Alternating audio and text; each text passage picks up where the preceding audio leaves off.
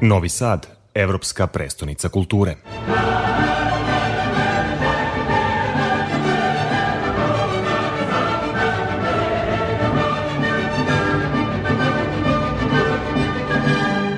Poznato je da Novi Sad ima dugu i bogatu književnu tradiciju. Šta vas je navelo da otvorite ovu temu i na čemu će biti akcenat? Tako je, mislim da je tema Novog Sada u književnosti zaista jedna od ovako ključnih tema savremene književnosti iz više razloga. Prvo, Novi Sad ima bogatu književnu tradiciju, to nema nikakvog spora, evo, onog naziva Srpska Atina i svih velikih pisaca po kojima su i ulice grada dobile ime. A s druge strane, Novi Sad ima naravno savremenu scenu koja je vrlo snažna, sa vrlo velikim književnim imenima poput uh, Lasla Vegela, Slobodana Tišme, pesnika poput Jovana Zivlaka i raznih drugih imena i naših gostiju jel, koji će biti sada poput Radoslava Petkovića i tako dalje. Dakle, Novi Sad zaista ima i književnu scenu i književnu prošlost, ali Novi Sad možda mora da ima malo više svesti o tome. I cilj ovog ciklusa jeste da mi na neki način zaista odgovorimo na to pitanje da li je Novi Sad književni grad ili je neki sasvim običan grad. grad. U kom smislu? E, književni grad u smislu svog simboličkog značaja, u smislu onog lavirinta koji je i književni lavirint i kulturološki lavirint i lavirint našeg nekog duhovnog bogatstva u pravom smislu te reči.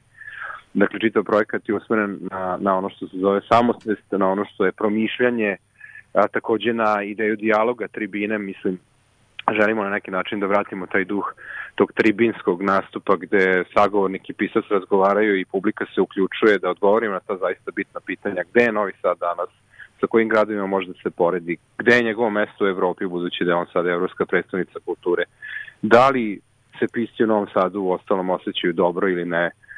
Da li Novi Sad podržava umetnost? Da li publika novosadska razume vrhunsku umetnost. Mislim, imate niz zaista pitanja koje su vrlo zanimljive i vrlo važna i pokušat ćemo kroz niz razgovora koji će trajati jedno duže vreme da na te pitanja odgovorimo. Počinjemo s Radoslavom Petkovićem upravo zato što je on pisac koji je povezan s Novim Sadom, a nije zapravo iz Novog Sada, ali već dugo živi tu i onda nastavljamo sa, recimo, Savom Damjanovim koji je među prvima napravio antologiju priče o Novom Sadu svoje vremeno, koji će moći mnogo toga, toga da nam kaže. I onda nastavljamo sa raznim drugim autorima koji su ove godine čak i objavili knjige o Novom Sadu, poput Lasla Blaškovića, sa pesnicima takođe i mlad, piscima mlađe generacije, jer ove godine smo objavili više antologija savremene poezije kroz finansiranje kroz Evropsku predstavnicu kulture, tako da mislim da možemo zaista da računamo da ćemo uspeti da stvorimo bogat program, ali i da odgovorimo na ova pitanja koja sam malo čas spomenuo.